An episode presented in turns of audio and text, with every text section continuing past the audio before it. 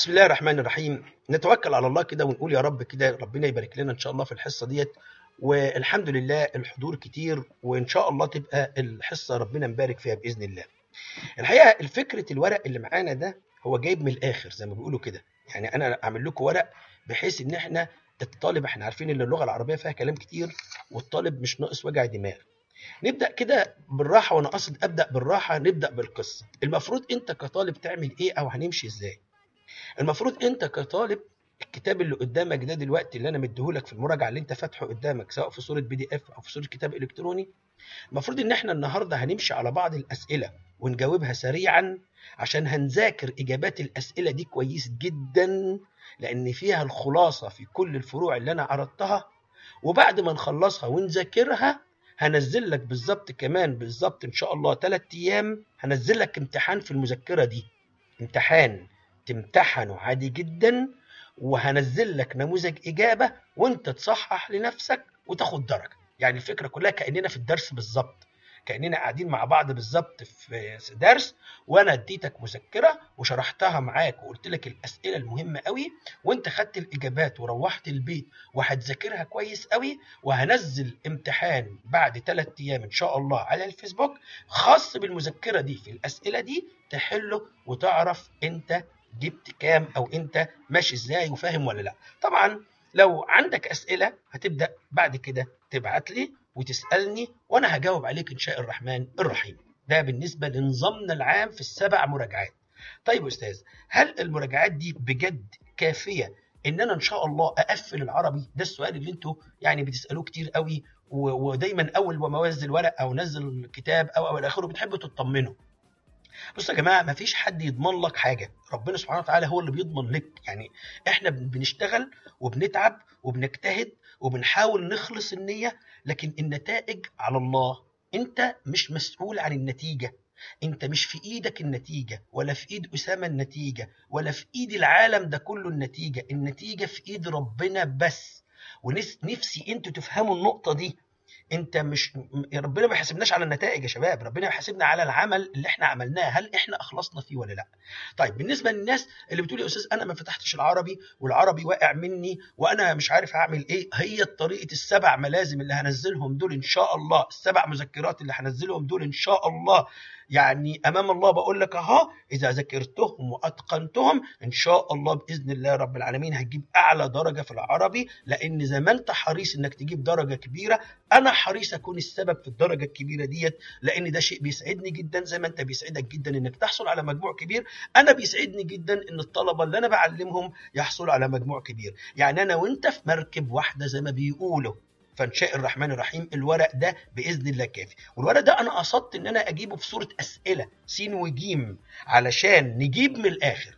الطلاب كتير قوي يقولوا لي أنا أعمل إيه الفترة دي؟ أنا ذاكر العربي إزاي يا أستاذ؟ العربي كبير قوي ومتفرع قوي وكل ما يمسكه من حتة يقع مني من الحته الثانية ده بالإضافة بقى لزحمة المواد وغيره. نفسي كل واحد واحد فيكم دلوقتي يمسك ورقة وقلم يكتب الثلاث جمل اللي هقولهم دول لو سمحتوا. لو سمحت لو عايز تلم العربي بكل هدوء ما تكلكعش الدنيا الدنيا بسيطة. امسك كتاب المدرسة اللي انت محتقره اللي انت ما بتفتحوش. بعضكم طبعا إلا ما رحم ربي.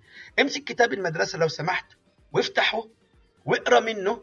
وجنبك كتاب الخرائط الذهنية لو انت معاك يا ريت يبقى تحفظ منه. يعني تقرأ من كتاب المدرسة تحفظ من كتاب الخرائط الذهنية تحل معايا في المراجعة أونلاين على النت أو من كتاب الامتحان على اليوتيوب.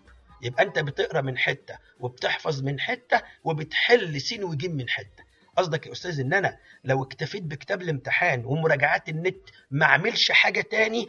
أيوة بملء الفم وبأعلى صوت وأمام الملأ ما تعملش حاجة تاني. هم دول كفاية قوي قوي إنك تقرأ من كتاب المدرسة تحفظ من كتاب الخرائط الذهنية إذا كان معاك تحل من كتاب الامتحان وتصحح معايا على اليوتيوب أو تحل من المراجعات دي السبع مراجعات اللي هم زي ما بنقولوا بقى الإيه الطازجين يعني مراجعات طازجة يعني.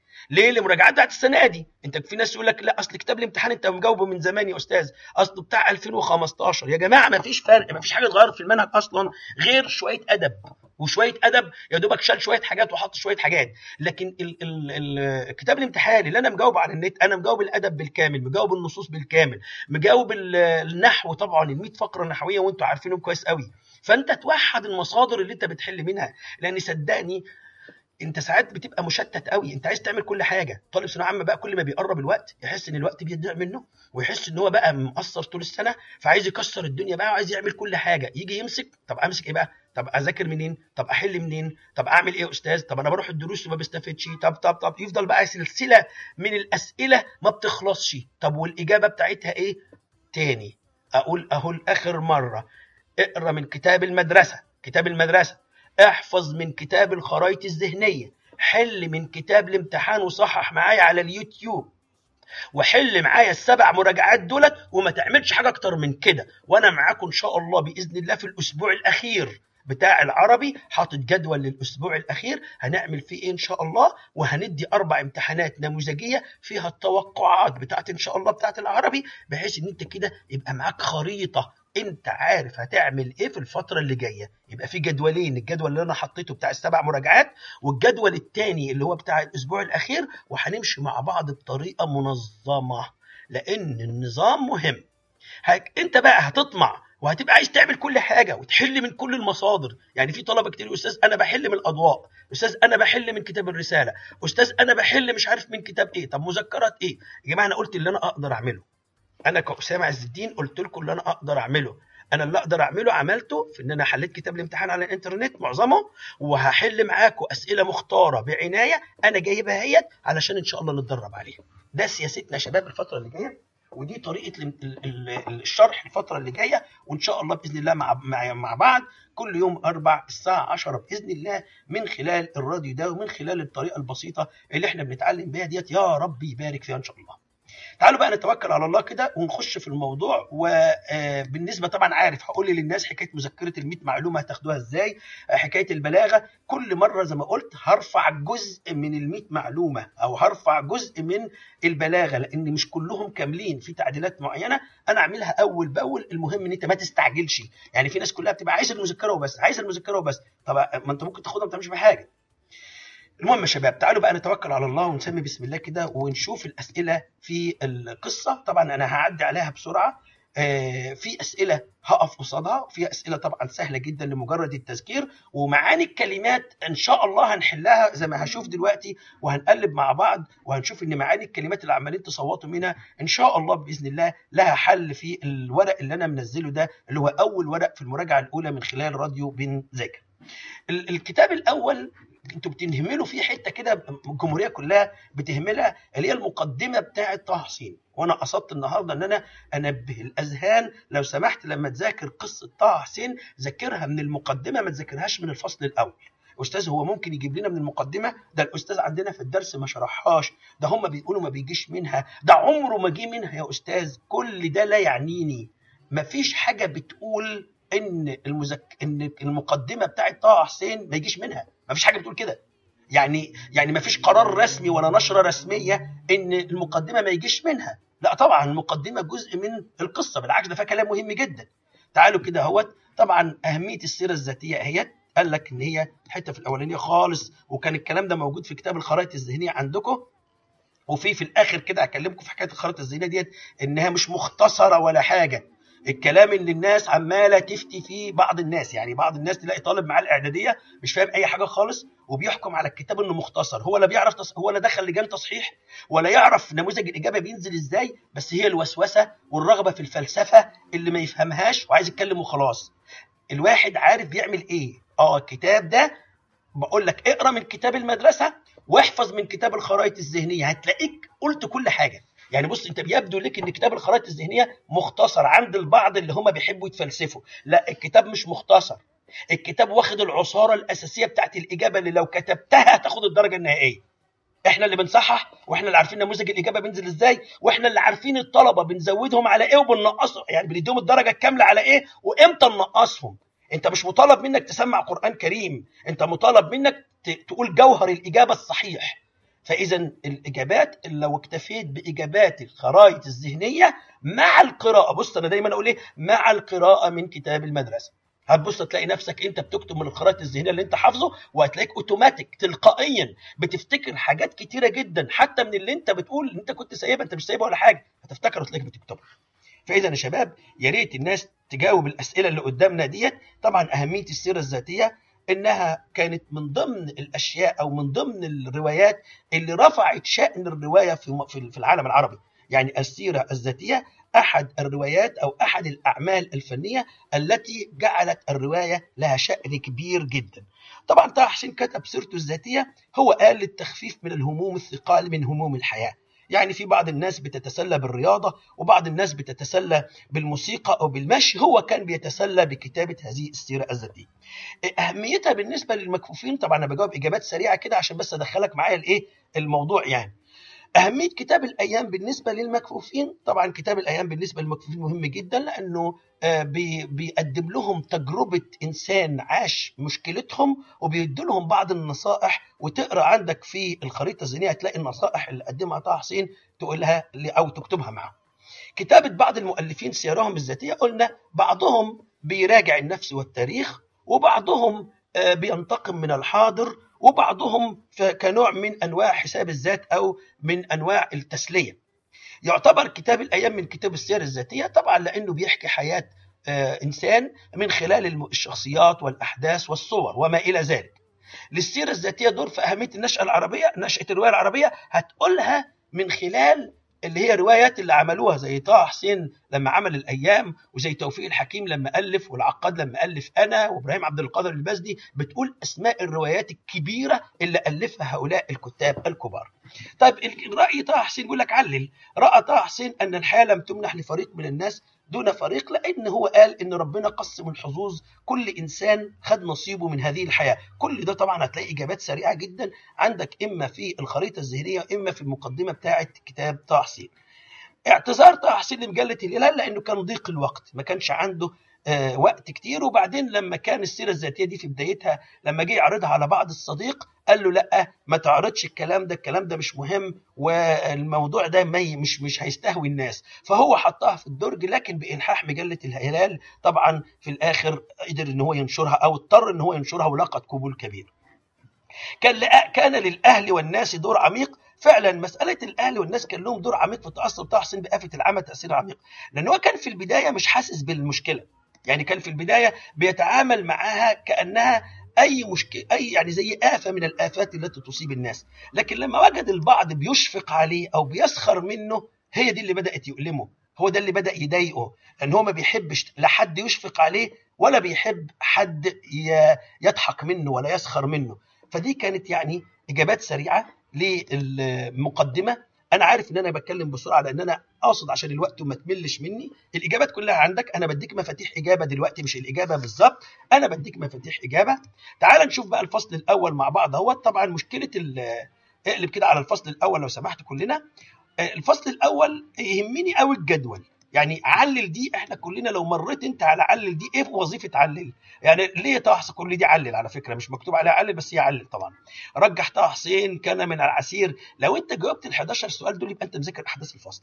يعني أنا لما كتبت علل ديت لما عملتها وانت طبعا هتذاكر الكلام ده وهتبعت لي على الفيسبوك لو وقف قصادك حاجة في خلال اليومين الثلاثه اللي جايين إن شاء الله على المراجعة الأولى فأنتوا هتحلوا الأسئلة دي مع بعض مع نفسكم واللي هيقف قصادكم هتسألوني عليه على الفيسبوك وإن شاء الله أجاوبكم والكلام ده بعد كده أنزل امتحان زي ما قلنا. فأنت لو جاوبت ال 11 سؤال دولت يبقى اطمئن على نفسك إنك أحداث الفصل أنت عارفها. ما هو أنا لازم أعالج نقطتين أعالج أحداث الفصل وعالج في نفس الوقت الكلمات اللي في الفصل وانتوا كلنا عارفين إن الكلمات رخمة شوية. فإيه الجديد في الجدول دي بقى؟ بعد اجاب بعد اجابات علل. طبعا أنا مش هجاوب كل ده أنا بقول لك بس خلي بالك منها وشوف اجابتها وأنت إن شاء الله اللي يقف قصادك. ابعت لي بس على الفيسبوك. الجدول ده بقى جدول السحري ده بقى جدول مهم جدا لأنه بص ماشي لك الأول معاني وبعدين ماشي لك جمع ورا بعضه وبعدين ماشي لك مفرد ومضاد. يعني عامل كده مسح إحصائي لجميع كلمات الفصل. أستاذ طب أنا هحفظ ده كله؟ أنا هحفظ كل الجدول ده. لا بص أنا مش عايزك تحفظ أنا عايزك بس تقرأ الكلمات ديت قراية المركز يعني. وهتبص هتلاقي نفسك في حاجات هتشدك. تقوم أنت معاك ورقة وقلم كده وتصطاد بقى. لا ده تصدق أنا كده وأنا بقرأ كده الجدول ده أنا حسيت إن جمع شمال ديت ما كنتش عارفها. يبقى اكتبها. أنا خدت بالي من جمع العذب ديت مهمة ممكن تيجي في الامتحان. يبقى عذاب. خدت بالي من مضاد يحسد. أنا مضاد يحسد دي ما كنتش مش عارف يعني إيه يحسد ديت يعني يبارك لأن يحسد يتمنى زوال النعمة فعكسها يبارك. فأنت هتبقى طالب ذكي. إنك هتعمل إيه؟ هتقرأ الأسئلة هتقرأ الكلمات ديت وهتتخير أنت ورزقك بقى. إنك أنت تحس إن الكلمة ديت أنت عجباك الكلمة دي ممكن تيجي في امتحان. كل واحد بقى وإيه؟ واللي ربنا يهديه ليه. فهتطلع من كل جدول بخمس ست كلمات مهمة. ويا حبذا لو ربنا فتحها عليك وقدرت إنك أنت تسمع الجدول ده. يعني إيه تسمعه؟ يعني أنت تحط إيدك كده على الإجابات وتبدأ تسمع وعشان كده أنا جاوبتها جاهزة قدامك علشان طبعا ما تاخدش وقت إحنا وإحنا من دلوقتي نجاوب. هتقول لي دي طب دي إيه؟ طب دي ينفع إيه؟ أنا نزلتها لكم الجاوبه أهيت قدامك. فأنت حاول إيه؟ تحفظها. الملاحظات اللي موجودة دي مهمة قوي الملاحظات دي طبعا اللي عندنا دي اللي هي العلاقة بين الضجيج والعجيج. يقول لك تقارب. لأن الضجيج وال... دي بقى ملاحظات أنا بجيبها كده أنا كمدرس بقى بشوف آه ده ممكن يرخم في الس... يعني إذا تراخم في الفصل الأول في الكلمات والعلاقات يعمل إيه؟ فأنا اهي قدامك بعض العلاقات ملاحظات. طبعا يا جماعة أنتوا مش متخيلين المجهود اللي اتبذل علشان الحاجة دي تطلع بالشكل ده. أنا مش بقول لك كده عشان تقول لي أنت شكرا يا مستر لا أنا مش بقول لك كده.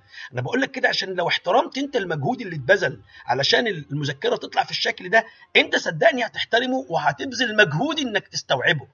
فلو سمحت خلي بالك انت بإيه فين الورق اللي في إيدك ده صدقني ورق يعني إن شاء الله مش موجود زيه وبإذن الله مش سايب لك حاجة. يعني الفكرة إن هو مش سايب لك حاجة وفي صورة سريعة برضه صورة خفيفة برضه. بص جمع لغط مثلا دي برضه من كلمات الامتحان. كلمة تجاوب وتصايح بينهم إيه؟ تنويع. عارف الكلمات اللي هي الأسئلة الرخمة بقى اللي بتضايق الطلبة دي؟ يا ترى تكامل ولا تنويع ولا تأكيد ولا توضيح؟ جمع لغط جمع حصير. مثلا مضاد تخفت آه أفادت لفظة بينة بعد واضحة إيه؟ فديت يا شباب كان الملحوظات على الفصل الأول والجدول الفصل الثاني. طبعا نفس المنطق طبعا لو اتكلمنا عن الفصل الثاني نفس الحكاية في الفصل الثاني هنلاقي قدامنا أهو برضه علل علشان أتأكد إن أنا أحداث الفصل كلها أنا فاهمها وعارفها كويس قوي والمناقشة اللغوية قدامنا أهي تمام؟ جمع بص كلمة ضئيل والحافة وإبت وعالم وإنسان. طبعا كلمات مهمة جدا كلمة طبيعة ديت بتيجي كتير جدا ويلخبطك فيها. يقول لك جمع طبيعة طبائع ولا طباع ولا طوابع ويفضل بقى إيه الكلمات اللي شكل بعضها ديت. فطبعا الجداول ديت يا ريت لو سمحتم آه ممكن تشغلها من على موبايلك بقى وكل شوية تبص لها وأنت في مواصلة تبص لها. تحاول كده بقدر الإمكان إنك أنت إيه يعني تركز في هذه الجداول. وخدت بالك برضو أنا في الملاحظات قلت لك كلمة مسافة نبحث عنها بسوفة وكلمة شديدة عشان ما تلخبطش نفسك بتجمع على شدائد وشداد وهكذا. يبقى ده بالنسبة للفصل الثاني وهكذا. الفصل الثالث أهو. الفصل الثالث ده يا جماعة رغم بساطته ورغم إنه من أقصر الفصول إلا إنه من أكثر الفصول اللي تيجي في الامتحانات. يعني الفصل الثالث اللي هو أسرتي اللي هو خمس 13 خمس 11 وسبع 13 وقاعد يحكي الموضوع ده. فخلي بالك أهوت من الكلمات المهمة قوي في الجدول. اللي هي يحفظه بمعنى يغضبه فخلي بالك وكلمة الحفيظة بمعنى الغضب. لحسن انت لو ما انتش رابط الكلام بسياقه في الفصل ممكن تقول يحفظه يجيب لك يقول لك مضاد يحفظه تكتبها مضاد ينساه. لو عملت مضاد يحفظه ينساه في الفصل الثالث انسى انت الدرجة. لأن كده غلط. يحفظه يعني يغضبه. فعكسها يرضيه. معناها يغضبه وعكسها يرضيه. فخلي بالكم يا شباب فقدامك اهو بعض الكلام البسيط خالص المهم جدا زي الفرق ما جمع ما أخوته وأخواته خلي بالك يعني مفرد إخوته غير مفرد أخواته. كمان العلاقة بقى الملاحظات قدامك العلاقة بين غموض وإبهام طبعا ترادف لأنهم بمعنى واحد. كلمة ينهضون من الأمر يعني يقومون به وهكذا يا شباب. بيقول لك يستنتج من ذلك إن أم الصبي هي الزوجة الثانية صح؟ في الحتة بتاعت الملاحظات. وإن أشقاء الصبي عشرة. اشقائه يعني من أمه وأبوه. خلي بالك هم 13 هو كان خامس 11 يعني هو نشيله يبقى أخواته 10 اللي من أمه وأبوه. وسابع 13 يعني كان ليه من من زوجة أبيه أخين تانيين. فخلي بالكم يا شباب إن ديت يعني كان جايبها قبل كده في دليل التقويم فده كلام. هنا بقى في سؤال بيقول لك من خلال في الفصل الثالث تحت كده بيقول لك من خلال الفصل ماذا تعلمت من معاملة ذوي الاحتياجات الخاصة؟ إن إحنا نعاملهم لا بالإشفاق ولا بالرحمة ولا بالسخرية نعاملهم معاملة طبيعية. خلي بالك ما يرضي ذوي خلي بالك أسئلة دي أسئلة الامتحانات يعني اللي انت شايفه بتاعت ذوي الاحتياجات الخاصة ديت بيبقى مبسوط قوي الممتحن انه جاب سؤال قال إيه ده بقى من ال 30% للمهارات العليا في التفكير. انه ربط موضوع طه حسين بموضوع مهم قوي في المجتمع المصري اللي هو ذوي الاحتياجات الخاصة وحقوقهم وغير غير ذلك. طب هل انت كطالب ثانوية عامة دلوقتي لما درست أحد هؤلاء اللي بيمثلوا ذوي الاحتياجات الخاصة وذوي الاحتياجات الخاصة يا جماعة اللي هم كل اللي عندهم مشكلة جسدية إما وراثية وإما نتيجة حادثة وإما نتيجة ذلك فنقص جسدي يعني. سواء بقى نقص في السمع نقص في البصر نقص في الكلام نقص في الأطراف الرجلين في أطراف الإيدين أي إعاقة حركية أو ذهنية بتسمى ذوي الاحتياجات الخاصة. طب هل أنت كطالب ثانوية عامة دلوقتي هتقعد تقول إحنا بندرس قصة الأيام ليه؟ قصة الأيام ليه؟ لا هي دي برضو من ضمن فوائدها إنك دلوقتي عرفت إنك إزاي تعامل ذوي الاحتياجات الخاصة إنك لا تشفق عليهم هو تحسين قال كده لا تشفق عليهم وتحسسهم بالإشفاق إن هم غلبانين وبتاع لأن ده بيأذيهم وبيأذي كرامتهم وفي نفس الوقت لا تسخر منهم لأنه برضو ده بيأذي بكرامتهم. أحسن طريقة لمعاملة ذوي الاحتياجات الخاصة هي الوسط وخير الأمور إيه يا شباب؟ الوسط. طبعا لما يقول لي ما رأيك في طريقة معاملة أسرة الصبي له؟ ما رأيك؟ على فكرة رأيك ده ما تخافش منه ما بيبقاش حاجة مش شرط كل حاجة اجيبها من من القصة. طلبة كتير جدا بيبقوا عايزين كل حاجة بيدور لها على نموذج اجابه في القصة وعايز يسمع وخلاص. لا يا شباب يعني لما يقول لك ما رأيك أنت إيه رأيك في طريقة معاملة الأب والأم لطه حسين؟ إيه رأيك في الطريقة ديت؟ أقول له والله دي طريقة طبيعية. أحيانا إحنا حتى في الطبيعي أحيانا أهالينا ساعات بيبقوا مشغولين وساعات يبقوا مركزين وساعات بيعاملونا كويس وساعات بيعاملونا وحش وكمان خصوصا كبر عدد الأسرة. وكثرة هموم الأب ومشاغله وكثرة هموم الأم ومشاغلها يعني موضوع تعبير كده من الآخر ما تخافش اكتب رأيك طالما رأي وجيه هيقبل وما بينزلوش نموذج إجابة. اللي بينزل في نموذج الإجابة اللي بينزل في نموذج الإجابة يقول لك حسب رأي الطالب طالما علله. حسب. رأي الطالب طالما علله. مفيش حاجة بتيجي من الفصل الثاني ولا الثالث يقول لك إيه فين رأي الطالب؟ إذا ده شباب كان في بالنسبة للفصل الايه شباب الثاني كذلك الفصل الرابع قدامنا أهوت بملاحظاته كلمة خليقا دي خلي بالك منها بعد المعاني والكلام ده كله بس أنا عايزك في الملاحظات في الفصل الرابع بقى. الفصل الرابع يا شباب. خلي بالك إن كلمة خليقا جت قبل كده مضادها مغتصبا. شوف ليه بقى؟ كلمة خليق يعني جدير. جدير يعني يستحق يستاهل يعني. طب واحد يستحق الشيء ده؟ خده عن حق. واحد خده عن غير حق. طب اللي بياخد حاجة مش من حقه اسمه إيه بقى؟ اسمه مغتصب. فدي عشان كده رخمة من الك... من المضادات الرخمة مضاد خليقا. الفرق برضو بين يرضى ويتردى يرضى يعني هو اللي بيرضى. لكن يتردى يعني يحاول إرضاء الآخر فخلي بالك من الكلام كلمة المكافأة والتشجيع بينهم إيه يا شباب؟ كل دي امتحانات، كل دي بقى اللي هي الايه اللي بيقول لك ال 30% من من المهارات التفكير العليا. بصوا يا شباب ببساطة لو قريت الملاحظات ديت يعمل ما بداله بقى إن شاء الله، يعمل بقى تحس إنك أنت بقى تخش الامتحان ثانوية عامة إن شاء الله تحس إنه هايف قدامك. ليه؟ لأن أنت خلاص دربت نفسك حتى كمان على الحاجات اللي هي الايه الأستاذ جايبها لك من ما بين السطور يعني. فالمكافأة والتشجيع بينهم تكامل ونتيجة يا شباب ليه بقى؟ ما هو المكافأة تؤدي للتشجيع صح ولا لأ؟ أنا لما كافئك يبقى هشجعك طالما حاجة بتؤدي الحاجة يبقى ده اسمه عندنا إيه يا شباب؟ اسمه عندنا التكامل طبعا بقى كل الباقي حاجات بسيطة أنا بس بقى إيه بدوس على الحاجات المهمة وإذا يا شباب ده عن القصة وعن إزاي نتعامل مع فصول القصة سواء من حيث الأحداث أو من حيث الكلمات أو من حيث اللي بين السطور زي ما كنت بقول لكم. تعالوا بقى نروح للنحو معلش هاتوا لي النحو بقى يا شباب مش هنمشي بالترتيب علشان طاقتنا ما تخلصش لأن أنا عايز ملاحظات مهمة قوي قوي قوي في النحو عايز أكلمكم فيه. زي ما آه شباب معايا كده توكلنا على الله. معلش أجيب بس النحو أيوه. أهو. تعالوا بقى لل معلومة اللي إحنا قلنا عليهم وهناخد النهارده بإذن الله قواعد الأول 15 معلومة من ال معلومة. بطريقة جميلة قوي فكرة ال معلومة دي بقى على إيه؟ بصوا يا شباب بقى. فكرة ال معلومة دي مبنية على الآتي. صلوا على النبي كده وتوكلوا على الله. بص كده. اولا في برضه زي ما في ناس بتسيب في قصة الأيام المقدمة بتاعة طه حسين في ناس كتيرة للأسف بتطنش الوحدة الأولى بتاعة النطق والإملاء وبحجة إنها ما بيجيش منها في الامتحانات أو أو أو الآخر. طبعا ده مغامرة. دي بتغامر كده أنت بتغامر بنفسك. لو لقيت قدامك أسئلة من الوحدة ديت والمدرس ما شرحهالكش أو أنت طنشتها يبقى يعني لا تلومن إلا نفسك أو لا تلومن لا تلومن إلا نفسك أو هذا المدرس يعني. تعالوا بقى نشوف كده قواعد سريعة وجميلة. هي مبنية على إيه؟ بص بقى. القاعدة هنبدأ بالأسئلة على فكرة. هنبدأ معلش من الشمال. أيها الناس أيها قطع لأنها حرف ولا اسم ولا اسم شاذ نشوف أنا ناسي القاعدة يا أستاذ. ارجع للقاعدة رقم واحد على اليمين. يعني أنت هتبدأ تشتغل من الأسئلة. السؤال اللي تقف فيه أو مش عارفه نفس رقمه هو نفس رقم القاعدة اللي تحل بيها السؤال. فالفكرة كده الفكرة ماشية كده. وفي كتاب إلكتروني موجود هبقى في الآخر في كتاب إلكتروني في ال معلومة ديت عارف إن جزئين منه اترفعوا وجزئين لأ. في بالشرح بالصوت بالصورة الصوت والصورة هرفع لكم كتاب إلكتروني للكلام ده بس افهم معايا. بص يا سيدي أيها الناس أيها قطع لأنها اسم مش اسم شاذ. الأسماء الشاذة اللي هي ابن وابنة واثنان واثنتان وأيم الله وأيمن الله. قدامك أهي ما هي اقرأ القاعدة رقم واحد.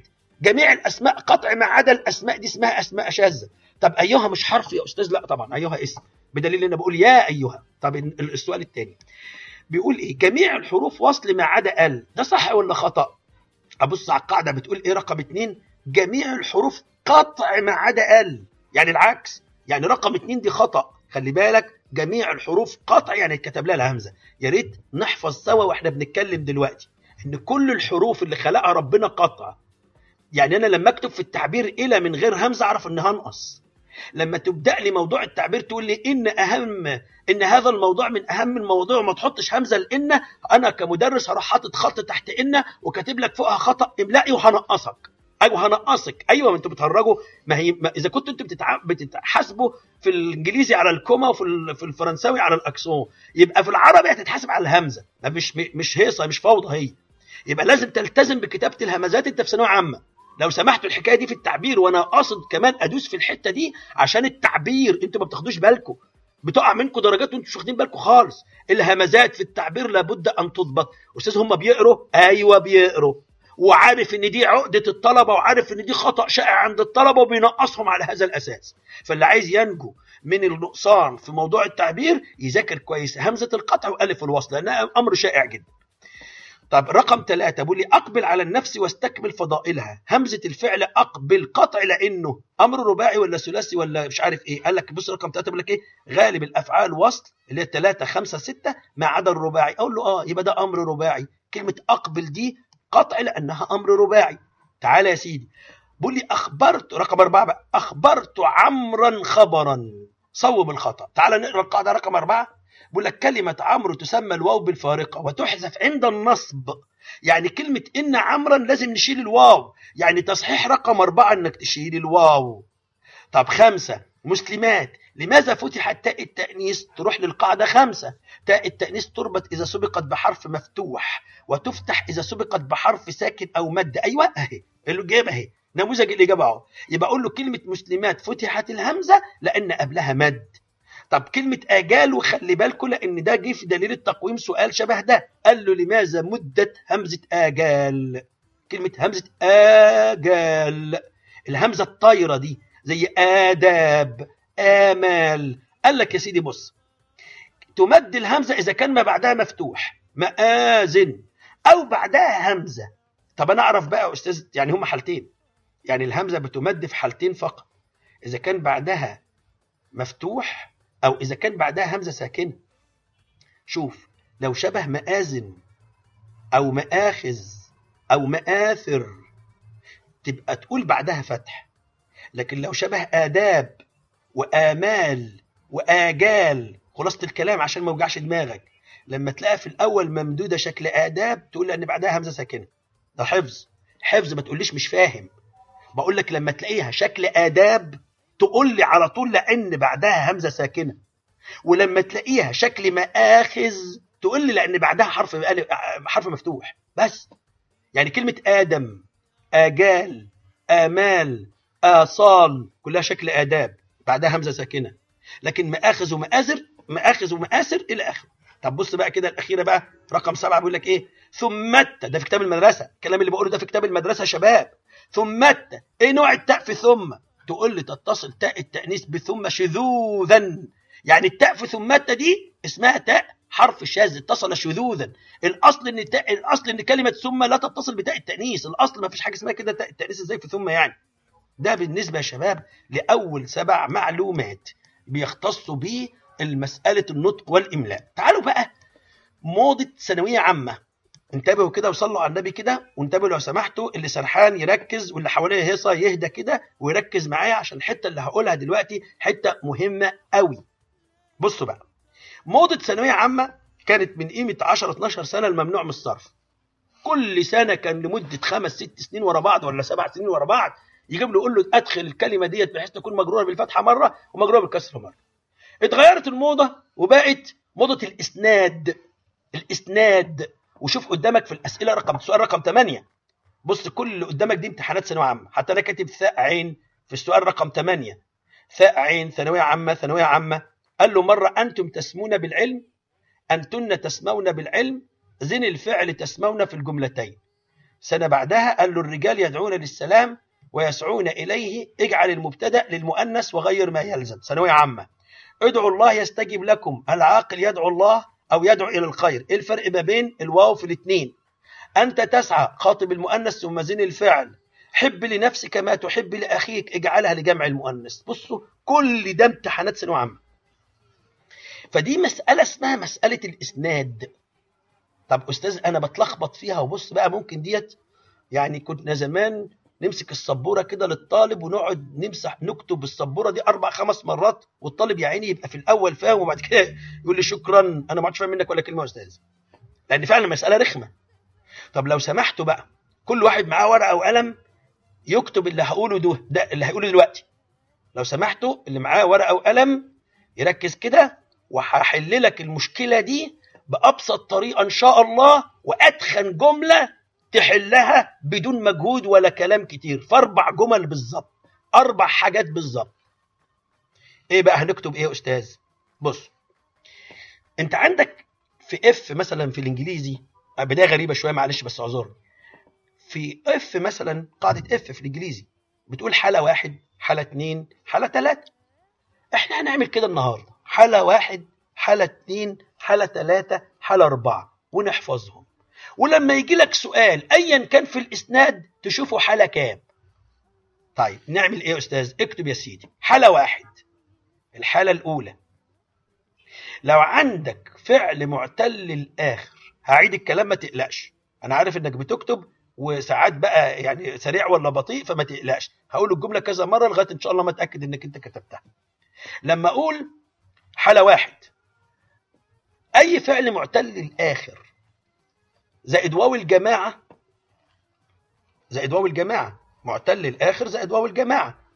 يجري عايز أضيف لها واو الجماعة أقول يجرون. دي حالة واحد. أي فعل معتل الآخر زائد واو الجماعة وزنه يفعون.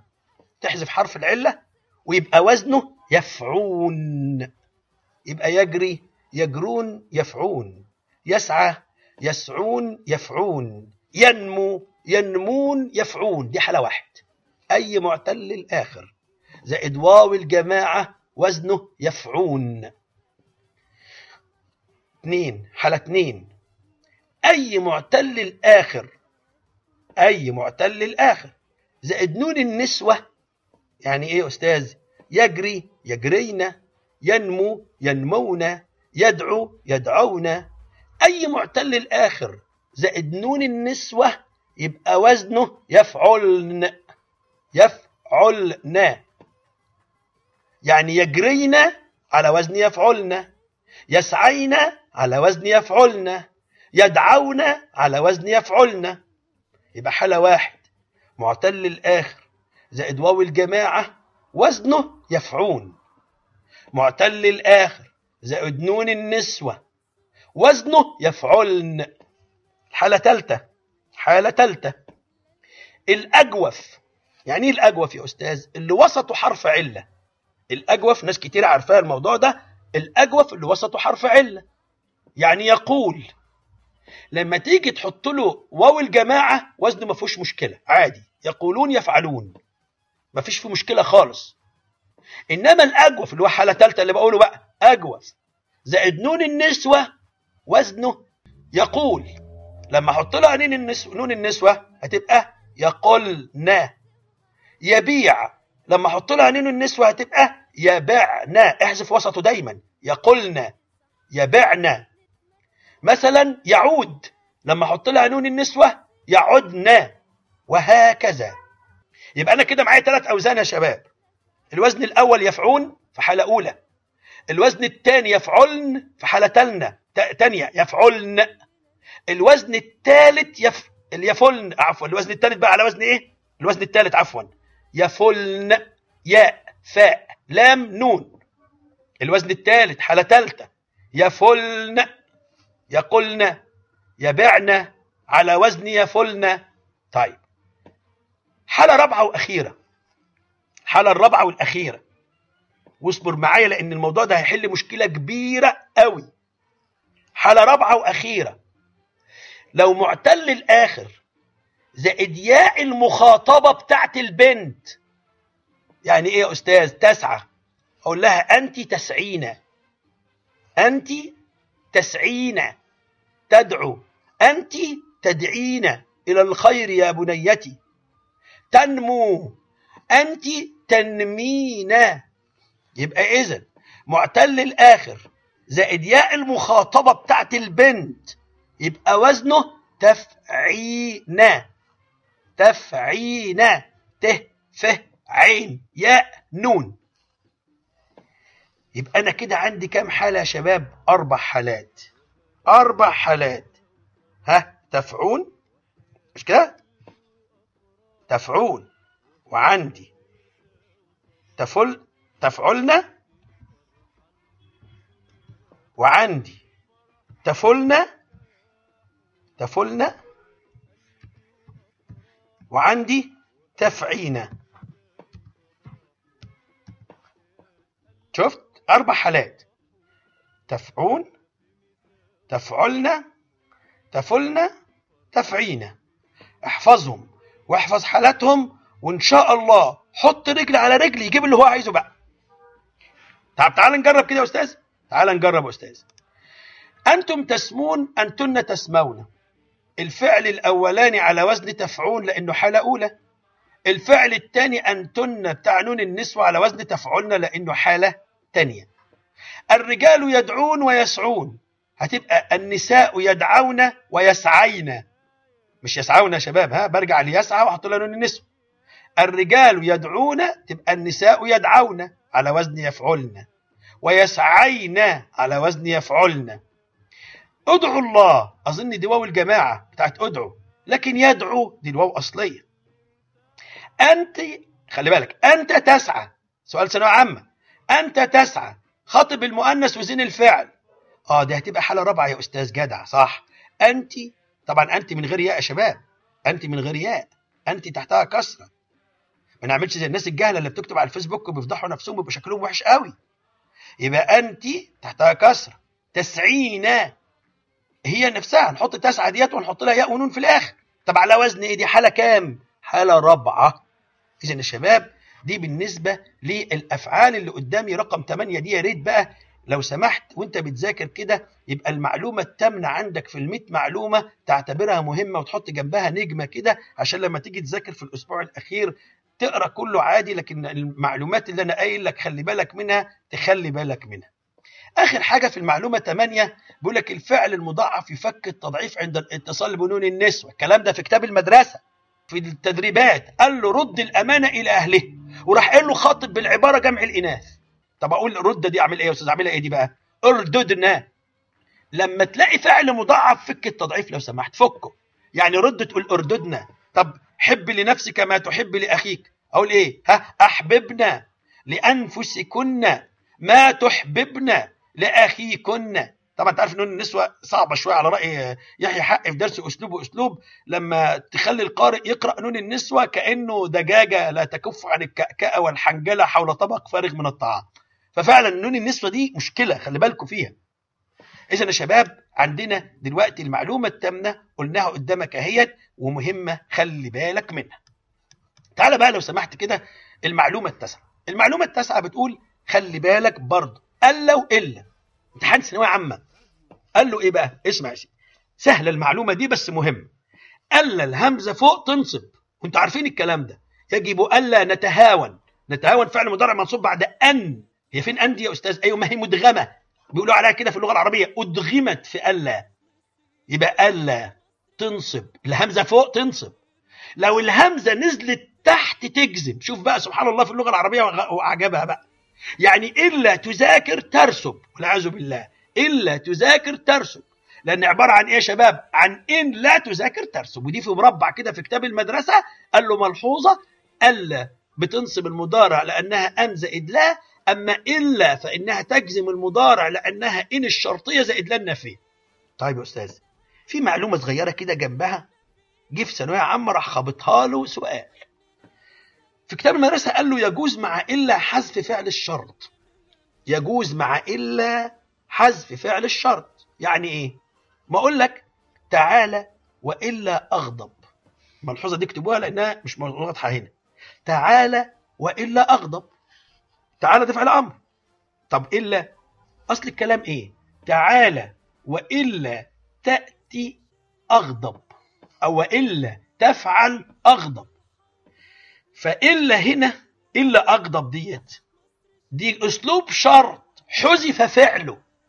وفي كتاب المدرسة قال له ما حدش يقدر يفتح بقه معاه يا جماعة. قال له يجوز حذف فعل الشرط إذا فهم من معنى الكلام.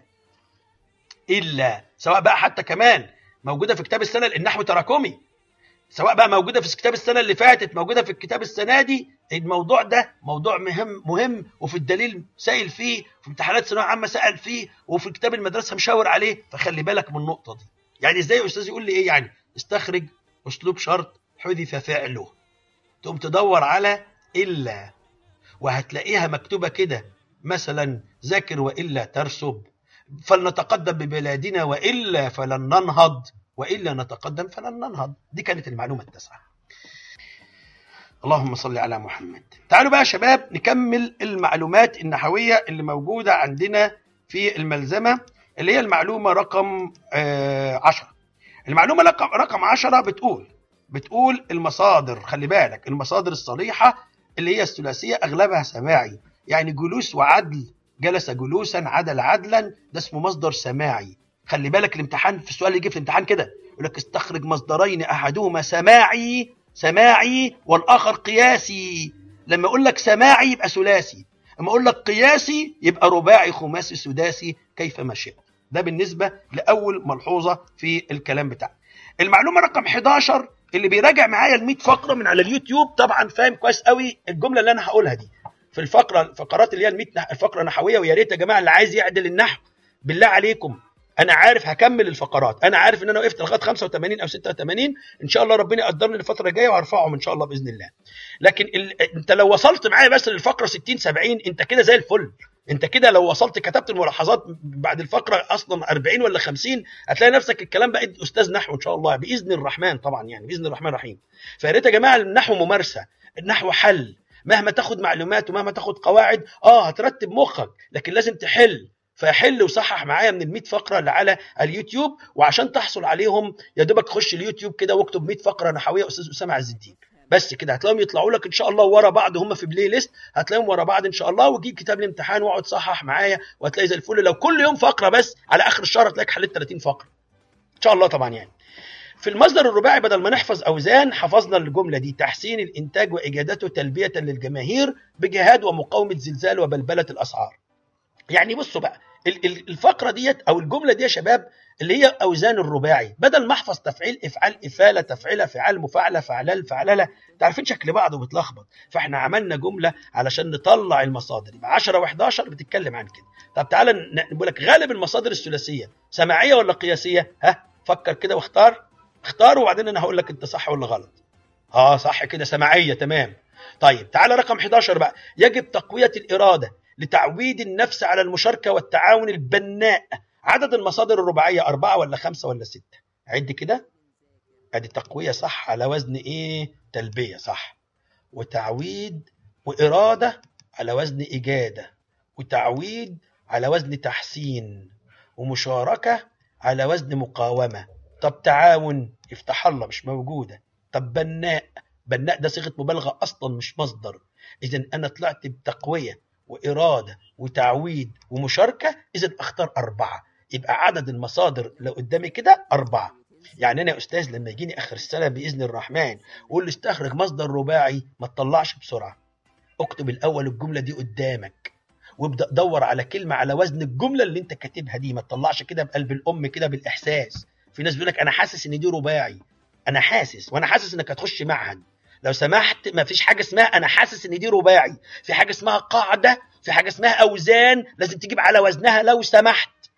طيب الخماسي عملنا له جملة برضه التحدي والتعاون انطلاق تقدم انتصار اخضرار بالتحدي والتعاون لانتصار أنا كنت حتى قلتها بطريقة تانية بالتحدي والتعاون لانتصار انطلاقا للتقدم والاخضرار بالتحدي والتعاون لانتصار انطلاقا للتقدم والاخضرار يبقى ديلة الست اوزان بتوع الخماسي.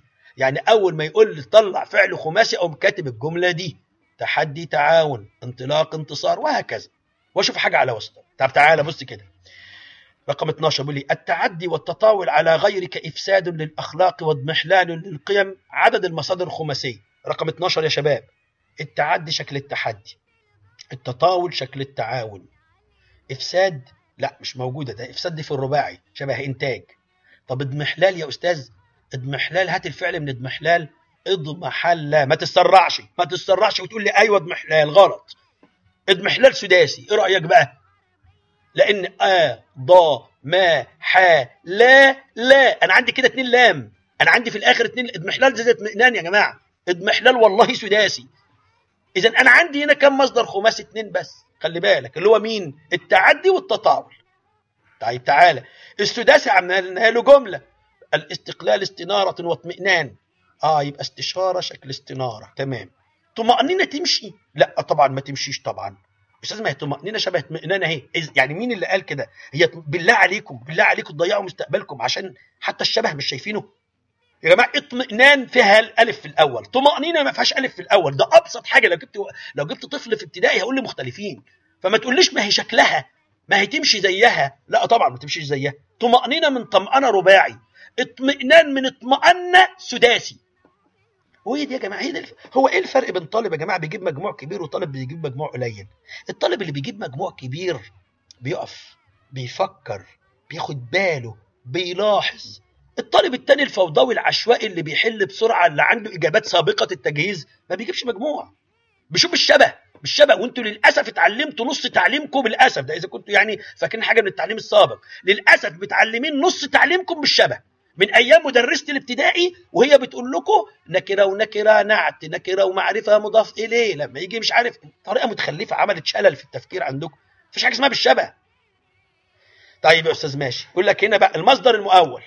المراقبه خلاص هانت يا شباب أنا فاضل لي معلومتين ونخلص النحو واللي عنده حاجة هيقولها إن شاء الله.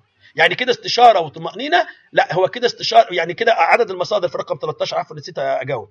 استشارة وطمأنينة ولا استشارة بس؟ استشارة بس طبعا. يعني عدد المصادر السداسية واحد فقط اللي هي كلمة استشارة. نيجي للمصدر المؤول سهل جدا أنزل الجملة. ويحول لكلمة واحدة تعرب حسب موقعها في الجملة يعني أحب أن أصوم تساوي أحب الصيام. طب واحد كتبها أحب الصوم الاثنين صح ما فيش مشكلة خالص. يبقى دي مفعول به صح. أو ما زائد فعل خلي بالك اتق الله عندما تعمل تساوي اتق الله عند العمل. لكن أفضل لك لو سمحت لما يجي يقول لك استخرج مصدر مؤول بلاش فلسفة طلع ان زائد الفعل ان زائد جملة. لما ما تلاقيش ان وجمله لو سمحت ابقى طلع ما لأن ما دي لها احتمالات كتير قوي. ممكن ما زائد فعل وتبقى الماء نافيه يعني ما أخرج أمس أو ما أخرج مثلا عفوا ما أخرج ليلا مثلا. أنا ما بخرجش بالليل يعني. اهي دي مش مصدر مؤول خالص مالهاش دعوة بالمصدر المؤول دي ما نافيه اذا مش مش أي ما كده. فخليك في أن لما تضطر يبقى طلع ما.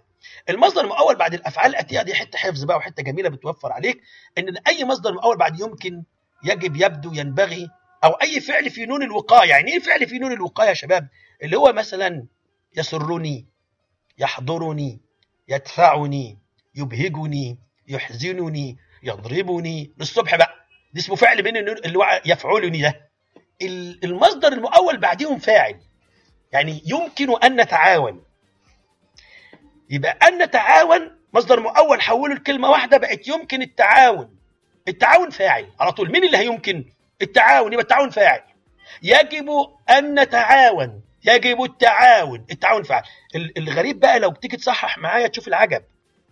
في طلبة بتكتب لي يمكن أن نتعاون يبقى أن نتعاون اسم يمكن مرفوع بالضمة. يا سلام.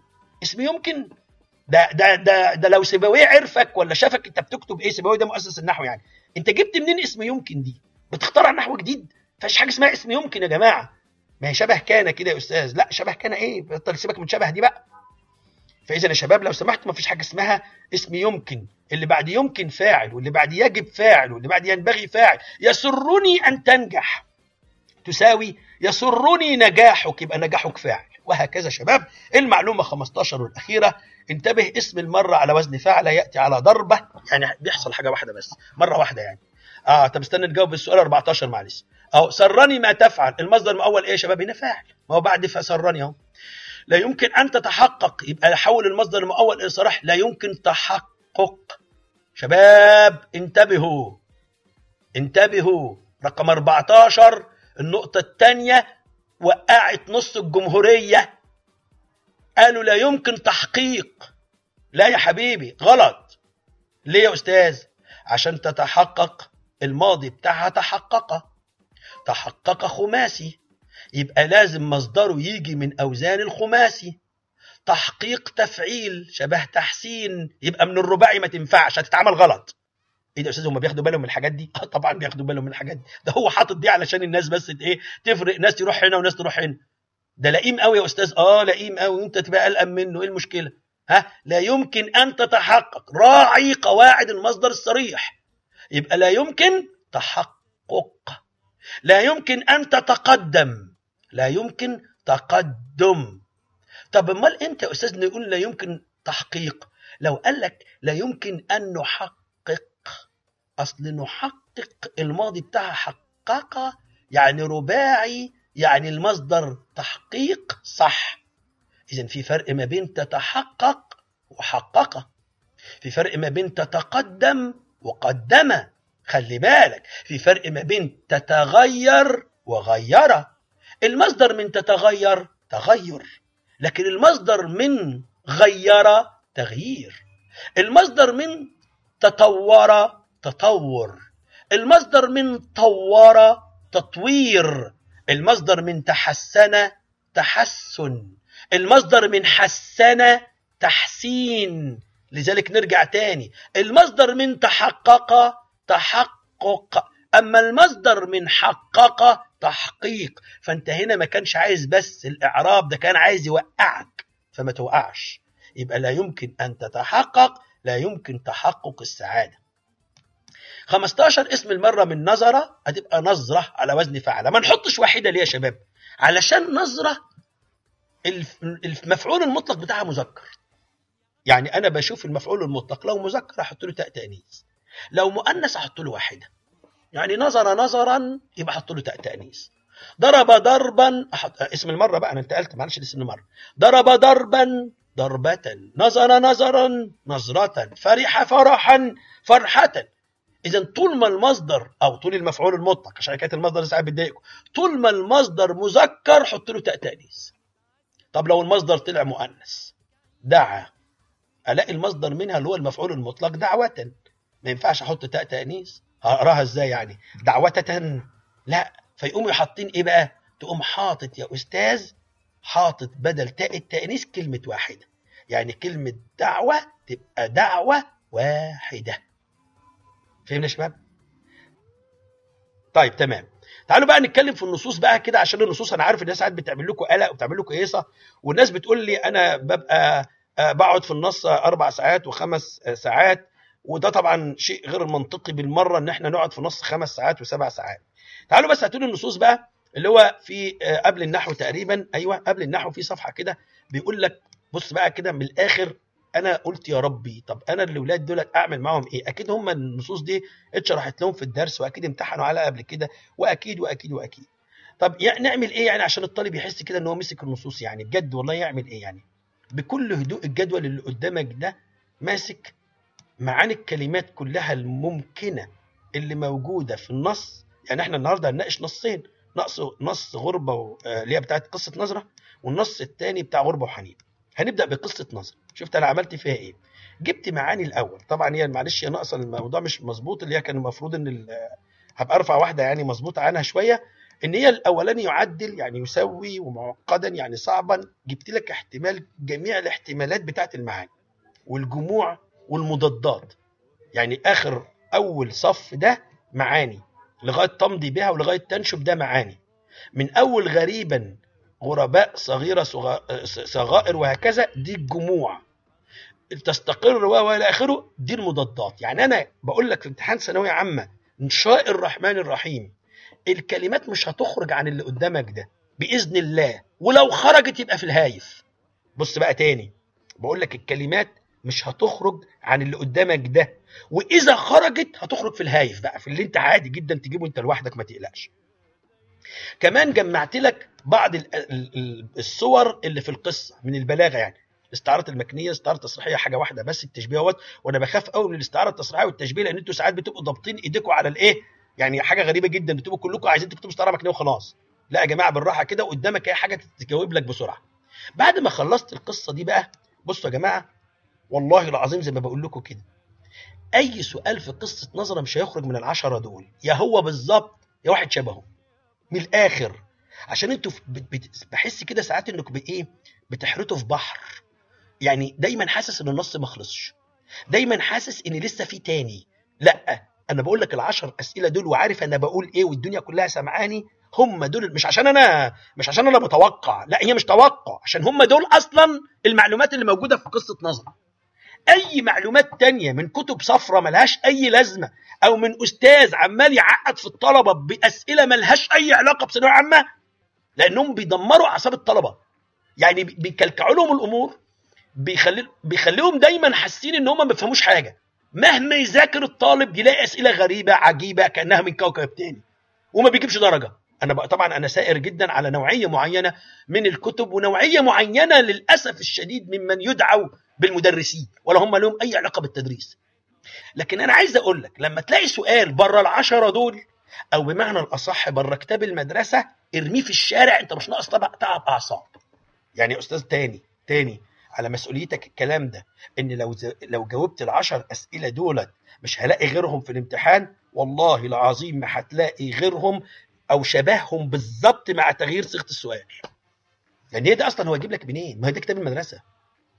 يعني عنوان القصة بتدل على نظره فاكر انت بقى الموضوع ده بقى؟ بتدل على نظرة الطفلة للأطفال وهم يلعبون نظرة الأمل نظرة إشفاق الكاتب على الطفلة النظرة الخاطئة من المجتمع للأطفال قصة نظرة.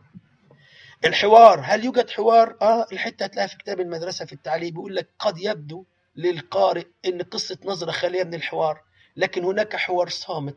لما الطفلة طلبت من الكاتب أن يعدل من وضع ما تحمله ولما الكاتب أوصاها تترك الصاج في الفرن وتعود فتأخذه والطفلة وهي واقفة قدام الأطفال وهم بيلعبوا. دي كانت ساعتها في حوار صامت. ده الحوار. كلمة ستي إيه رأيك في استخدامها رغم إنها كلمة عامية؟ طبعا عارفين إن كلمة ستي حققت مبدأ التكثيف والتركيز لأن من خلال الكلمة دي عكست كل الرعب والخوف اللي بداخل الطفلة واختصرت يوم كامل بدل ما الكاتب يحكي لي حدث من يوم كامل اختصروا في كلمة ستي. طب ليه ركز على قدم الطفلة؟ لأنها وسيلة اللعب. إيه الفرق بين حفاها وحفا الأطفال؟ إن هم حافين بالإرادة لكن هي حافية بالقوة. كل ده في التعليق بتاع كتاب المدرسة سواء ظاهر أو بين السطور. طب لما قال كيف ارتبط العنوان بما انتهت إليه القصة؟ عندك بالنص من كتاب المدرسة. طب ليه ارتبط؟ ليه ارتبط بالقصة؟ قال له في الآخر ليحقق مبدأ الوحدة. الحتة دي في التعليق يا جماعة. في الخريطه الذهنية عندك الكلام ده كله. أنا بشاور لك على الاجابه بس عشان الوقت ما يطولش لأن لو قعدت اجاوب بالتفصيل ان شاء الله نخلص بعد الفجر. طب كيف ارتبط؟ عندك السؤال واللي ما يجاوب اللي مش لاقيه برضه يبقى يقول لي وأنا أقول له هو فين بالظبط. إزاي تحقق مبدأ الوحدة في القصة القصيرة؟ عندك في بالنص في التعليق وحدة الموقف وحدة الانطباع ووحدة الفكرة ووحدة الشخصية بأنه ما اختارش. أهي الحتة اللي بعدها اللي هو السؤال اللي بعدها. مال ال... طب إزاي تحقق وحدة الموقف والكلام ده؟ بإنه اختار لحظة قصيرة من الحياة هتلاقي في كتاب المدرسة كمل الحتة بتاعت لحظة قصيرة من الحياة والنقط اللي بعدها. إيه اللحظة السعيدة الوحيدة اللي في حياة الطفلة؟ وهي دي آخر جملة في التعليق بتاع كتاب المدرسة. قال له إن اللحظة الوحيدة السعيدة في حياة الطفلة وهي تشاهد الأطفال وهم يلعبون وتتخيل نفسها معاهم وهم بيلعبوا. دي اللحظة الوحيدة السعيدة في حياة الطفل. اذا يا شباب بالله عليك ركز في الكلمات دي ركز في المعاني والصور ديت. لو سمحت ركز في العشر أسئلة دولت مش هيخرج براهم والله العظيم لو جه أسئلة نظرة ما هتخرج بره الكلام ده خالص. إن شاء الله طبعا. نفس الحكاية في أسلوب في غربة وحنين. غربة وحنين اهي أدي المعاني اللي جمعتها لك قدامك أهي. في بعض المعاني سبتها نسيت أكتبها معلش. الصغر يعني الميناء ونزعتني يعني صارعتني وهفى يعني تحركه والسواد اللي هي القرى المحيطة. لا ده متكررين متكررين. وأدي بعض الاختيارات أهوت أو بعض البلاغيات المهمة لو سمحت تخلي بالك منها. تعالى بقى كمان. بص أبرز الأسئلة في نص غربه حنين. أبرز الأسئلة قسما بالله وأنا بقسم لك بالله. لو الممتحن ده طلع فوق وتشلي تحت كده ما يخرج بره العشر أسئلة دول بره.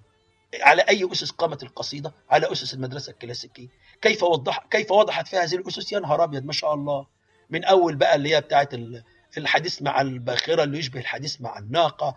وعندك بقى طبعا الوزن والقافية واستخدام الحكمة واستخدام التصريف. كل ده بقى عندك بالنص.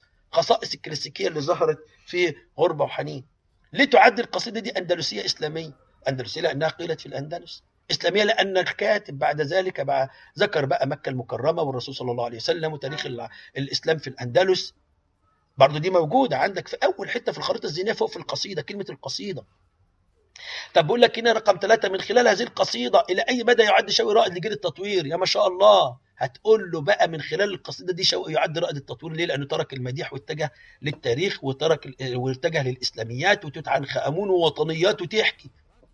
طب القصيدة تنمي معلش يا رقم خمسة دي تنمي منهج شوقي المهتم بالتاريخ. صحيح لأنه كتب قصائد أخرى. هو أول حكى تاريخ العرب في الأندلس. كل ده في التعليق كل ده في كل كلمة. افتح كتاب المدرسة كده هتلاقيهم كلهم في التعليق. هيقول لك إن هو بتنمي اتجاهه لأنه بعد كده كتب في الإسلاميات كتب عفوا في تاريخ توت عنخ آمون وكبار الحوادث في وادي النيل غير ذلك. إزاي شوقي اشاع الموسيقى في أبياته؟ فاكر الحته بتاعت حرف السين وحرف الشين وحرف العين لما أشعهم عمل حرف السين في القافية وحرف الشين في بعض الأبيات وحرف العين في بعض الأبيات. ده عمل موسيقى من كتاب المدرسة. مرت سنة ده تشبيه خلي بالك مش استعارة. صحيح مرت لوحدها استعار لكن هو جايبها في كتاب المدرسة قال له ومن الصور التشبيهية مرت سنه أحرام على بلابله الدوح طبعا طبعا آه, آه دي آه دي دي إيه بقى؟ غرضه إيه بقى؟ الاستنكار طبعا. هي فيها حزن وتحسر لكن فيها استنكار أكتر فيها غضب. أسى جرحه بالتقديم طبعا لأن أصل الكلام أسى زمان أسى أسى الزمان وإيه؟ جرحه. طب هنا بقى سؤال جميل قوي مش في كتاب المدرسة. بيقول له إيه بقى؟ مستطار إذا البواخر ورنت ولا مستطير؟ طبعا مستطار لأنها اسم مفعول تدل على فقد الإرادة. يعني إيه يا أستاذ؟ يعني مستطار ده اسم مفعول يعني الفعل وقع عليه شوقي فما يقدرش يدفعه. يعني حنين الوطن ما يقدرش يقاومه. فإذا كلمة مستطار تدل على أن شوقي لا يستطيع مقاومة هذا الشعور في الحنين الوطن. إن كلمة مستطير يبقى هو الفاعل فتدل على أنه بيده أن يستطير أو بيده ألا يستطير. خلاصة الكلام مستطار أدق لأنها تدل على فقد الإرادة فقد المقاومة تدل على قوة الحنين الجارف الذي بداخل شوقي دي يا شباب النصين اللي أنا قلنا لكم ذاكر لو سمحت طبعا الامتحان اللي أنا هنزله هيلتزم بهذه المعاني الكلمات وهيلتزم بالأسئلة العشرة سواء في نص قصة نظرة أو نص غربة غربة وحنين. وصدقني الطريقة دي تلم العرب. تاني كده أنتوا عندكم كلمة مشهورة قوي. مستر أستاذ أنا عايز ألم العربي. العربي مش عارف ألمه. كلمة ألم دي تدل على إن هناك حاجة مبعزقة. طب اللي مبعزق ده نلمه إزاي؟ اللي مبعزق ده نجيب كل الكتب الخارجية ونفضل نحل منها؟ إحنا كده بنبعزقه أكتر. إحنا كده بنبعزق الدنيا أكتر لأن العربي سبع فروع. وهتكتر هيكتر هتفرد هينفرد أكتر. لكن لما تعرف إن أنا أجمع لك كده الأسئلة وأنت تثق في الكلام ده إنما المتوسوسين والموسوسات بقى اللي عايزين يعملوا كل حاجة في أي وقت وفي كل مكان دول معلش مش ما عنديش حل ليهم. معلش أنا ساعات ببقى عنيف معاكم كده لأن أنتوا بصراحة بتبقوا ساعات إيه ماشيين ورا احساس غلط كده ومندفعين وراه ومش عايزين تقفوا. فلو سمحتوا انتبهوا لهذا الأمر. أبناء الطلاب ده كان الحديث عن النصوص. فضل لنا الحديث فقط عن البلاغة وهسيب لكم قيم إنسانية لأن القيم الإنسانية بجد مش محتاج كلام. أنا هسيبكم تحلوا وإن شاء الله نموذج الإجابة هنبقى نعمله مع بعض. واللي عايز يسأل قلت لكم هبقى أعمل أنا منشور على صفحة بنذاكر خلي بالكم الأسئلة هتبقى مرتبة. انتبهوا اللي نايم يصحى اللي سرحان يركز اللي بيعمل أي حاجة لو سمحت يركز معايا. هقول كلام مهم. على صفحة بنذاكر أنا هعمل منشور لكل سؤال علشان الأسئلة تتجمع في مكان واحد. أو في الجروب اللي هنعمله هنعمل برضو مكان واحد عشان نسأل فيه سواء على الصفحة من بره أو على الجروب. علشان كل الأسئلة تتجمع في مكان واحد بحيث إن الطالب قبل ما يسأل سؤاله يشوف أسئلة زمايله. ممكن يلاقيني جاوبت عليه يبقى وفر على نفسه وقت ومجهود في انتظار إجابة. فده إن شاء الله بإذن الله هنعمله. فالامتحان هطلعه إن شاء الله على الفيسبوك برضه. أيوه إن شاء الله بعد ثلاث أيام. ثلاث أيام بس إحنا النهارده الأربعاء يبقى على يوم السبت إن شاء الله الامتحان. الامتحان يوم السبت إن شاء الله. هنذاكر الكلام ده وهنحله وهنسأل في خميس وجمعة وسبت كمان. هنسأل سبت كمان. وإن شاء الله يا يوم السبت بالليل يا لحد الصبح الامتحان هيتعمل. خلاص يا جماعة؟ تعالوا بقى نتكلم في البلاغة. نتكلم في البلاغة هرفع رابط المذكرة إن شاء الله بإذن الله تاني على صفحة بنذاكر عشان الناس تستفيد منه. بالنسبة للبلاغة بقى يا شباب بالنسبة للبلاغة الحقيقة البلاغة يعني طريقتها ثابتة الحمد لله برضه. بصوا قدامنا أهوت اولا خلي بالك قواعد بلاغية مهمة جدا الإيحاء يعني إيه؟ ما أقول لك الإيحاء يبقى العاطفة المصاحبة للكلمة من خلال السياق العام للابيات يعني لما أقول مثلا مثال مثال عشان في ناس بتفكر الإيحاء هو سر الجمال أو القيمة الفنية غلط.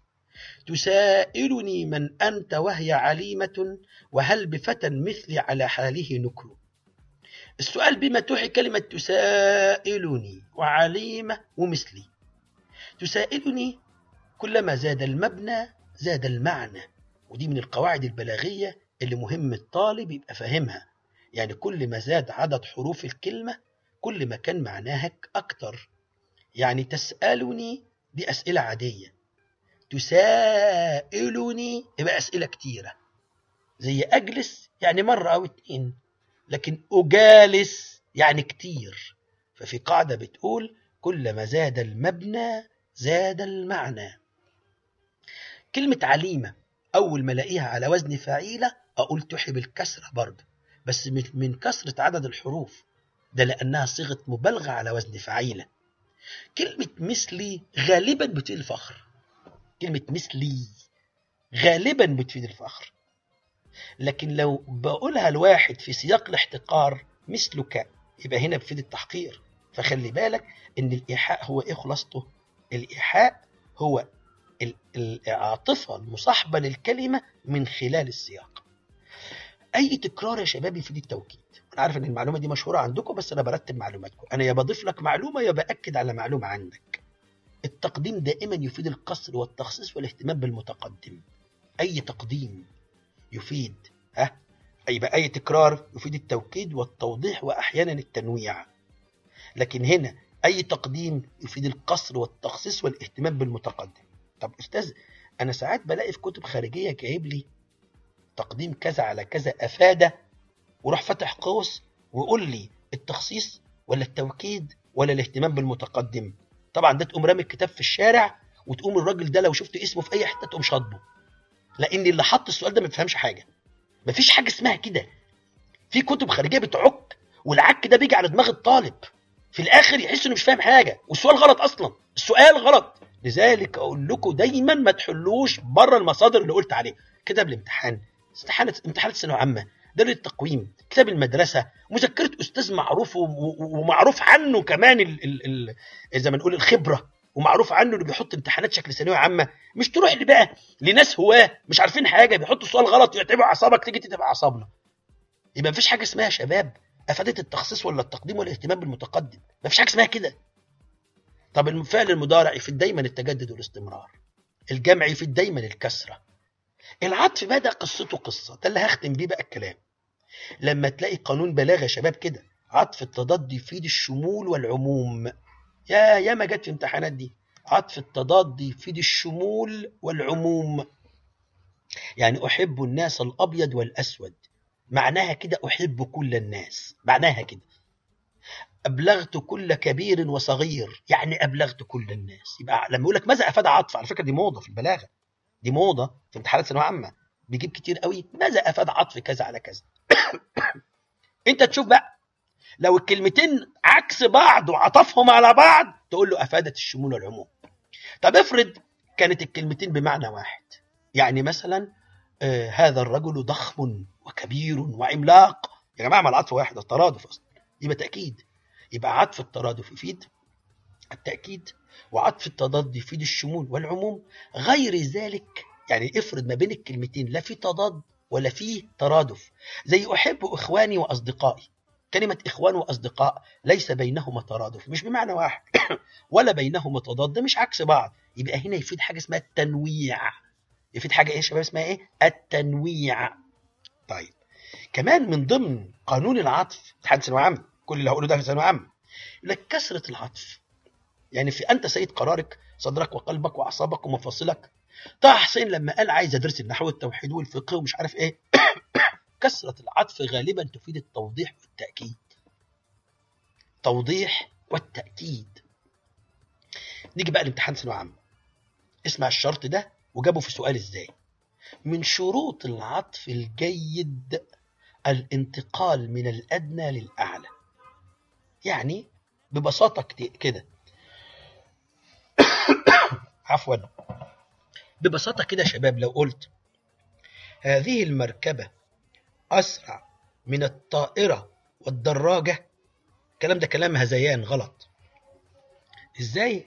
هقول المثال تاني عشان اللي ما سمعش هذه المركبة مركبة ما أسرع من الطائرة والدراجة. ده عطف غلط. لأن أنت لما قلت أسرع من الطائرة و أنت كده هيأتني لما هو أقوى. يبقى أسرع من الطائرة والصاروخ أسرع من الطائرة والمكوك الفضائي مثلا. يبقى أنت لما قلت الطائرة و أنت هيأتني اللي هيأتني إن اللي جاي أعلى أعلى في السرعة يعني. ورحت فاجئتني بالأضعف فقلت لي إيه؟ هذه مركبة أسرع من الطائرة والدراجة. ده عطف فاسد عطف غلط. جابها له في ثانوية عامة إزاي بقى؟ اسمع كده. قال له إيه؟ خلصت من بص البيت اللي عندك ده في اللي هو الرقم خمسة في العطف. بص بيقول لك خلصت من رحى القتال ومما يلحق السفن من دمار وأسر. كلمة دمار وأسر. جه في ثانوية عامة قال له إيه؟ ما رأيك في عطف أسر على دمار؟ نشوف. خلاص أنا بقى كده الأستاذ الحمد لله اداني بقى إيه التطعيم ضد السؤال ده. السؤال ده شوف بقى الدرجة. يا ترى دمار أعلى ولا أسر أعلى؟ طبعا الدمار أعلى. يبقى زي بالظبط المثال اللي أنا قلته من شوية. ما قلت أسرع من الطائرة والدراجة أهي دي قال لي شوقي. دمار و! أنا قلت بس ده اللي جاي حاجة أكبر من دمار. لقيتها أسر بقول له أخطأ الشاعر. أخطأ الشاعر في هذا العطف. ليه؟ ليه أخطأ الشاعر في هذا العطف؟ لأنه هيأنا لما هو أقوى وفاجأنا بما هو أضعف. لأنه هيأنا لما هو أقوى وفاجأنا بما هو أضعف. فهمنا يا شباب؟ إذن يا شباب من شروط العطف الجيد أخيرا عشان أفتح لكم التشات والناس اللي عايزة تسأل آخر حاجة من شروط دقة العطف برضه ما نجيبش حرفين عطف ورا بعض. ما نجيبش حرفين عطف ورا بعض. أقول الكلام لحسن كان الصوت بيقطع ولا حاجة. بقول إن دمار وأسر كلمة دمار وأسر العطف غلط. عشان كلمة أسر أقل من كلمة دمار. فهو لما قال دمار وبعدين قال أسر هو كده هيأني لما هو أقوى وفاجأني بما هو أضعف يبقى عطف خطأ. آخر نقطة في العطف كل دي أسئلة ثانوية عامة. ما يجي يقول لك بل وكسلت النفس بل وفعلت كذا بل وفعلت كذا. انت كده مستخدم حرفين عطف ورا بعض. ما. غلط غلط. تقول بل كسلت أو وكسلت. بل كسلت أو وكسلت. نعوذ بالله من الكسل ونعوذ بالله من الهم والحزن ونعوذ بالله من العجز والكسل. يا رب يا أبناء الطلاب تكونوا استفدتوا من هذه الملاحظات. يا رب تكونوا تابعتوا معايا من المذكرة ديت إن شاء الله. ومحدش يقلق اللي ما عرفش ينزل المذكرة من هنا. هرفع تاني اللينكات على روابط. هرفعها تاني على صفحة بنذاكر وإن شاء الرحمن الرحيم تحلوا المذكرة دي. وتذكروها كويس قوي واللي عايز يتأكد من أي حاجة معاني كلمات القراءة حلها وهنعمل مناقشة في الجروب وإن شاء الله وهنعمل منشور عندنا على صفحة بنذاكر وحلوا معايا يا جماعة بلاش دايما تبقوا أنتوا دايما في في يعني اللي واقف فاتح إيديه وعايز يقول لي هات لا خليك جدع جزاك الله خير يا ندى. أنا عايز أنا عايز الناس تحل. يا جماعة أنا سهل جدا أنزل لكم الكلام ده متجاوب. هجيب أي حد يكتب ورايا وخلصت على كده الموضوع. لكن أنتوا اشتغلوا شوية يا جماعة. شوف أنت جرب. جرب أنت. إحنا عايزين نتأكد يا أستاذ. والله هأكد لك كل حاجة. بس اشتغل. اطبع الورقة دي عندك. آه ما تخاف. لا لا لا ما تقلقيش. ما تقلقوش يا جماعة. إيه، حكاية عدم القطع البلاغة ديت صدقوني بكثرة الحل مش المشكلة دي هت هت يعني هتنتهي تماما. إن شاء الله بإذن الله. وأنا هكثف شوية من حل البلاغة كمان على أنا كنت حلل آه، حوالي 20 قطعة على اليوتيوب من كتاب الامتحان. فالكلام ده إن شاء الله بإذن الله آه، هنحل منه كتير. قطع البلاغة صدقني بسيطة خالص وما فيهاش أي مشكلة. ولا احفظوا من الخريطة الذهنية هتلاقيه سهل خالص. حكاية التعليق التعليق احفظه من الخريطه الذهنية. ومفيش حد يقول لي مش موجودة في الخريطة الذهنية. لا التعليق موجود طبعا في الخريطة الذهنية. موجود في وسط المعلومات. موجود في وسط بتاع دوت اللهم صل على محمد الجماليات. ده شباب اللي كان النهارده آه، قدرنا نعمله ويا رب أكون قد يعني حققت طموحكم ونظمت دماغكم. يا رب كل الورق ده هتستفيدوا منه إن شاء الله ونلتقي إن شاء الله بإذن الله يوم الأربع القادم بإذن الله. مراجعة الأدب موجودة أصلا. يا جماعة مراجعة الأدب تاني مرة ثالث مرة عاشر مرة. فيديوهات الأدب كلها موجودة. التعبير اكتب تعبير وصور لي موضوعك وابعته لي على الخاص وإن شاء الله بإذن الله أقول لك رأيي فيه ربنا يقدرني. فيا شباب ان شاء الرحمن الرحيم آه الخرائط الذهنية موجود على النت. آه موجود نسخة مجانية على النت النت يا جماعة ونزلها على الموبايل بتاعك ومفيش مشكلة. فالتعبير يا رب كده آه تكونوا استفدتوا من النهارده. واكتب تعبير وابعت لي والأدب موجود بره في الفيديوهات مش محتاج أي كلام أنا ما عنديش أي مشكلة. اللي عنده سؤال في الأدب يبقى ابعت لي آه أجاوب له عليه ما عنديش أي مشكلة خالص. إن شاء الله بإذن الله الحلقة تنزل على اليوتيوب إن شاء الله بإذن الله. ويا رب أبناء الطلاب تكونوا قد استفدتم من راديو بنذاكر وإن شاء الله برضو على فكرة ادخلوا لأن أنا ساعات بذيع حاجات برضو بعض الحلقات اللي أنا هذاعها على الراديو. هحاول بقدر الإمكان أكثف حلقات بس مش في المراجعة بقى يعني. ممكن بقى في بعض الدردشة كده ندردش مع بعض يعني بإذن الله رب العالمين يعني. ابناء الطلاب آه، أدعو الله عز وجل أن تكونوا قد استفدتم. وإن شاء الرحمن الرحيم في لقاءات قادمة بإذن الله بهذا الحضور الكبير. ما شاء الله المرة دي يكون أكتر وأكتر والاستفادة تكون أكبر وأكبر. وأستودعكم الله. والسلام عليكم ورحمة الله وبركاته.